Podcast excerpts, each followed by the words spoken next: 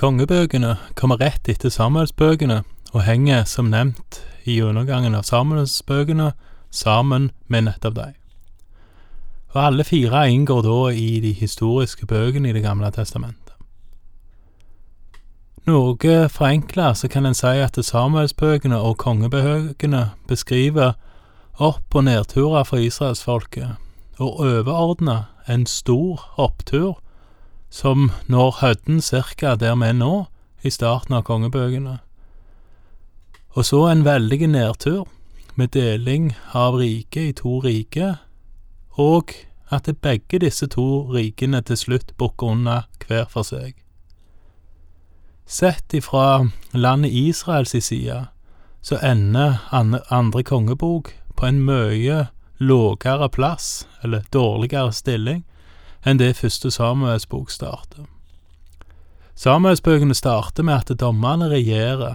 Alt var ikke bra da heller, men de hadde i det minste et land. Ved utgangen av kongebøkene er de uten land. Mer om det seinere. Tilbake igjen til overgangen mellom Samuelsbøkene og kongebøkene. Samuelsbøkene starter med profeten Samuel, som salver de første to kongene, både Saul og David. Første Samuels bok handler om tida ifra Samuels fødsel til at det slutter med at Saul dør. Andre Samuels bok handler i all hovedsak om Davids liv og virke. Det siste der står om i Andre Samuels bok, er at David bygger et alter på årene hans treskefold. Det var viktig der og da, men det er òg viktig betydning for oss som kristne. David kjøper her nemlig plassen der hans sønn, kong Salomo, skal bygge tempelet. Et tempel som nå er revet, og som Jesus erstatter da han gjorde seg sjøl til et tempel med sin forsonende død på korset. Men Jesus skal ifølge Bibelen komme igjen til et nytt Jerusalem, og da blir jeg ikke så veldig forundra om selve dommen, som Matteus kaller for tresking av kornet, skal holdes nettopp på Ornans treskeplass, eller treskevoll. En plass som Jesus stamfar gjennom morslinga, nemlig kong David, kjøpte for at en skulle ofre til Gud. Det får vi komme tilbake igjen til seinere. Men andre Samuelsbok slutter med historien om denne treskeplassen, og første kongebok starter med at David er blitt gammel og snart skal dø. Maktkampen om hvem som skal få overta Davids mektige trone, den er allerede i gang. Vi leser ifra første kongebok, det første kapitlet, ifra vers 1. Kong David var nå gammel og langt oppi årene. De dekket ham til med tepper, men han kunne ikke bli varm. Tjenerne hans sa til ham, La noen finne en ung jente til deg, herre konge en jomfru, som kan stå til tjeneste og pleie deg. Når hun ligger i din favn, blir du nok varm, herre konge. Så lette de etter en vakker, ung jente i hele Israels land. De fant Abishag fra Sjunem og førte henne til kongen. Det var en svært vakker jente. Hun pleiet kongen og tjente ham men han hadde ikke omgang med henne. Den siste setningen her, at det kongen, at David ikke hadde omgang med henne, er verdt å legge merke til. Det betyr at David ikke hadde seksuell omgang med henne, noe som står eksplisitt i flere engelske oversettelser. Det kan virke litt rart at dette blir spesifisert her, at kong David ikke hadde seksuell omgang med henne, men jeg tror det står nettopp slik som en saksopplysning som er viktig for en historie som kommer seinere, nemlig når en av Davids sønner, Adonja, vil ha henne til kone. Det kommer vi tilbake igjen til gjennomgangen av kapittel to. Nå leser vi om når nevnte Adonja vil gjøre seg til konge, fra vers fem. Adonja, sønn av Haggit, gjorde seg høye tanker og sa, jeg vil bli konge. Og han skaffet seg vogn og hester og femti mann som skulle løpe foran ham. Faren, hadde aldri snakket ham til rette og spurt hvorfor han oppførte seg slik. Adonja var også ualminnelig vakker. Han var født nest etter Absalom. Et lite innskudd her.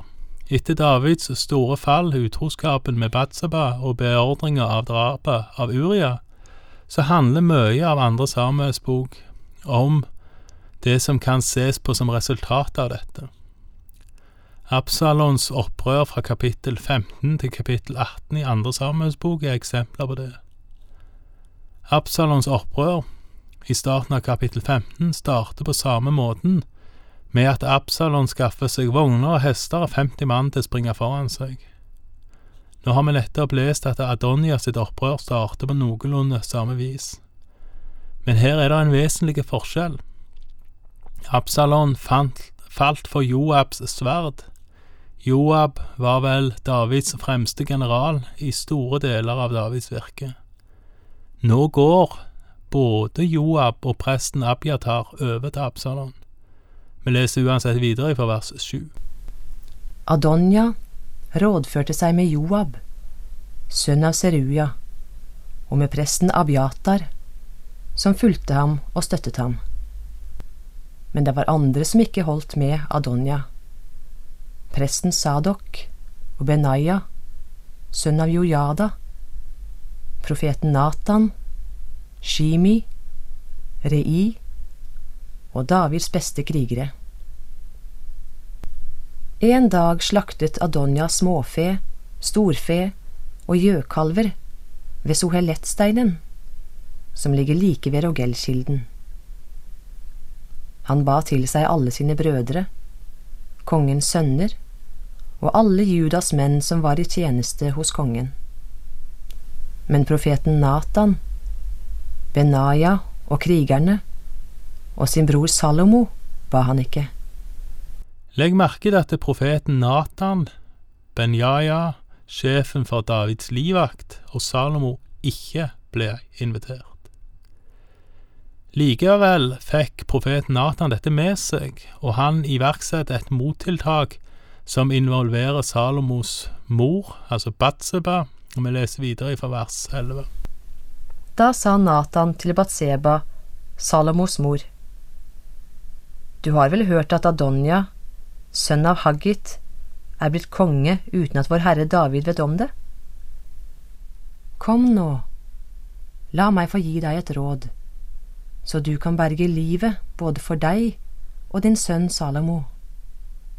Gå og tre fram for kong David og si til ham, Herre konge, har ikke du sverget og sagt til din tjenestekvinne at min sønn Salomo skal bli konge etter deg, og at han skal sitte på din trone. Hvorfor er da Adonja blitt konge? Og så, mens du ennå står der og snakker med kongen, skal jeg komme inn og stadfeste dine ord. Da gikk Batseba inn i kongens rom. Kongen var nå meget gammel, og Abishag fra Sjunem tjente ham. Batseba knelte og bøyde seg for kongen, og han spurte, Hva er det du vil? Hun svarte, Herre, du har sverget ved Herren din Gud, og lovet din tjenestekvinne at min sønn Salomo skal bli konge etter deg og sitte på din trone.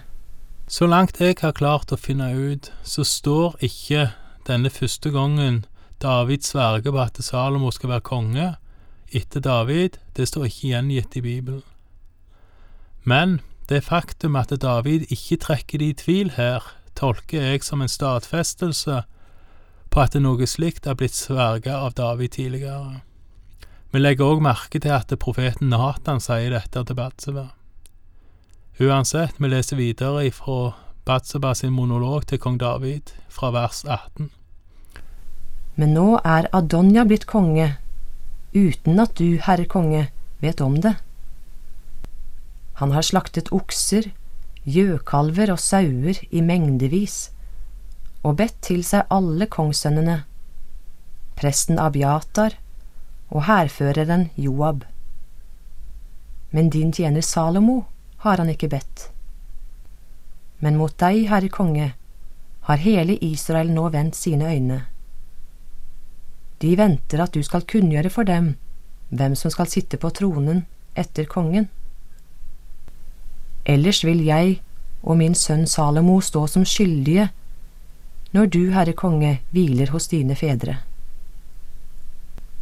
Mens hun ennå snakket med kongen, kom profeten Natan. Det ble meldt kongen at profeten Natan var der. Så trådte han fram for kongen og kastet seg ned for ham med ansiktet mot jorden. Herre konge, sa Natan, har du sagt at Adonja skal bli konge etter deg og sitte på din trone? I dag har han gått ned til Rogellkilden og slaktet okser, gjøkalver og sauer i mengdevis. Han har bedt til seg alle kongssønnene, hærførerne og presten Abiatar. Nå spiser og drikker de med ham og roper Leve kong Adonja.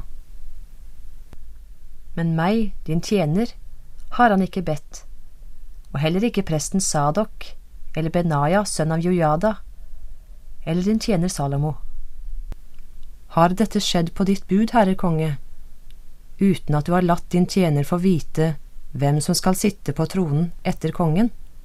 Det som er spørsmålet fra Natan, er vel egentlig om David har dolkene i ryggen ved å ikke informere han om at Adonja skal bli konge, eller om David ikke var klar over at Adonja prøvde å gjøre seg til konge uten at David visste om det. Igjen viser vel Natan ganske stor kløkt i sin tilnærming til kongen. Det ville vel neppe være noen god idé å antyde at kongen ikke hadde kontroll over riket sitt sånn rent generelt, eller familien spesielt, om det skulle vise seg å være feil. Nathan kommer derfor til kongen med en annen mulighet, nemlig at han sjøl er skjøvet ut i kulden. Hva David visste og ikke visste, det vet vi jo ikke. Jeg tror at eh, kong David hadde rimelig god oversikt, og jeg tror nok at eh, kongen da, som statsoverhoder nå, har mer enn én en informasjonskanal å forholde seg til. Det som for meg kanskje er mer interessant i denne historien, er hva general Joab og presten Abiatar visste når de gikk til Adonia. Leser vi i første krønikebok kapittel 22, så står det at David visste at han sjøl ikke skulle bygge tempelet, men òg at det var Salomo som skulle gjøre det. David visste med andre ord at Salomo skulle overta. Mot slutten av kapittel 22 står det også ifra vers 17 at David påla Israels høvdinger å hjelpe Salomo. Og Derfor var det allerede da kjent at Salomo skulle overta. Dette blir òg gjentatt og forsterka i første krønikebok kapittel 28 og 29. Kapittel 28 og 29 handler nok om én samling. Det bygger jeg på at de ble samla i kapittel 28 vers 1, mens vers 1 i kapittel 29 forteller om at David fortsetter å snakke til de som var samla, før de avslutter samlinga med mat i vers 22. Første krønikebok kapittel 29-22 så står det Den dagen åt de og drakk for Herrens åsyn med stor glede, og de gjorde Davids sønn Salomo til konge for andre gang, og salmle, salvet han til Herrens første og Sadok til prest. Kapittel 29 omhandler derfor en samling etter at Adonja prøvde å gjøre seg til konge. Spørsmålet er vel heller om kapittel 22 og utover i første krønikebok omhandler noe som skjer før eller etter at Donja prøver å gjøre seg til konge. Uansett hva Joab og Abiatar visste, så burde de vel gått og spørre kongen før de setter seg til bords i signingsfesten av en nye konge. Bibelen har mange triste historier. Dette er en av de. Hærføreren, eller generalen Joab, som har stått ved Davids side i sikkert 50 år, går nå til en av Davids sønner uten å sjekke ut om det er den rette. Det syns jeg er trist. Joab skal måtte betale dyrt for det òg, Abiatar òg. Det får vi komme tilbake igjen til seinere. Takk for i dag, og Herren være med deg.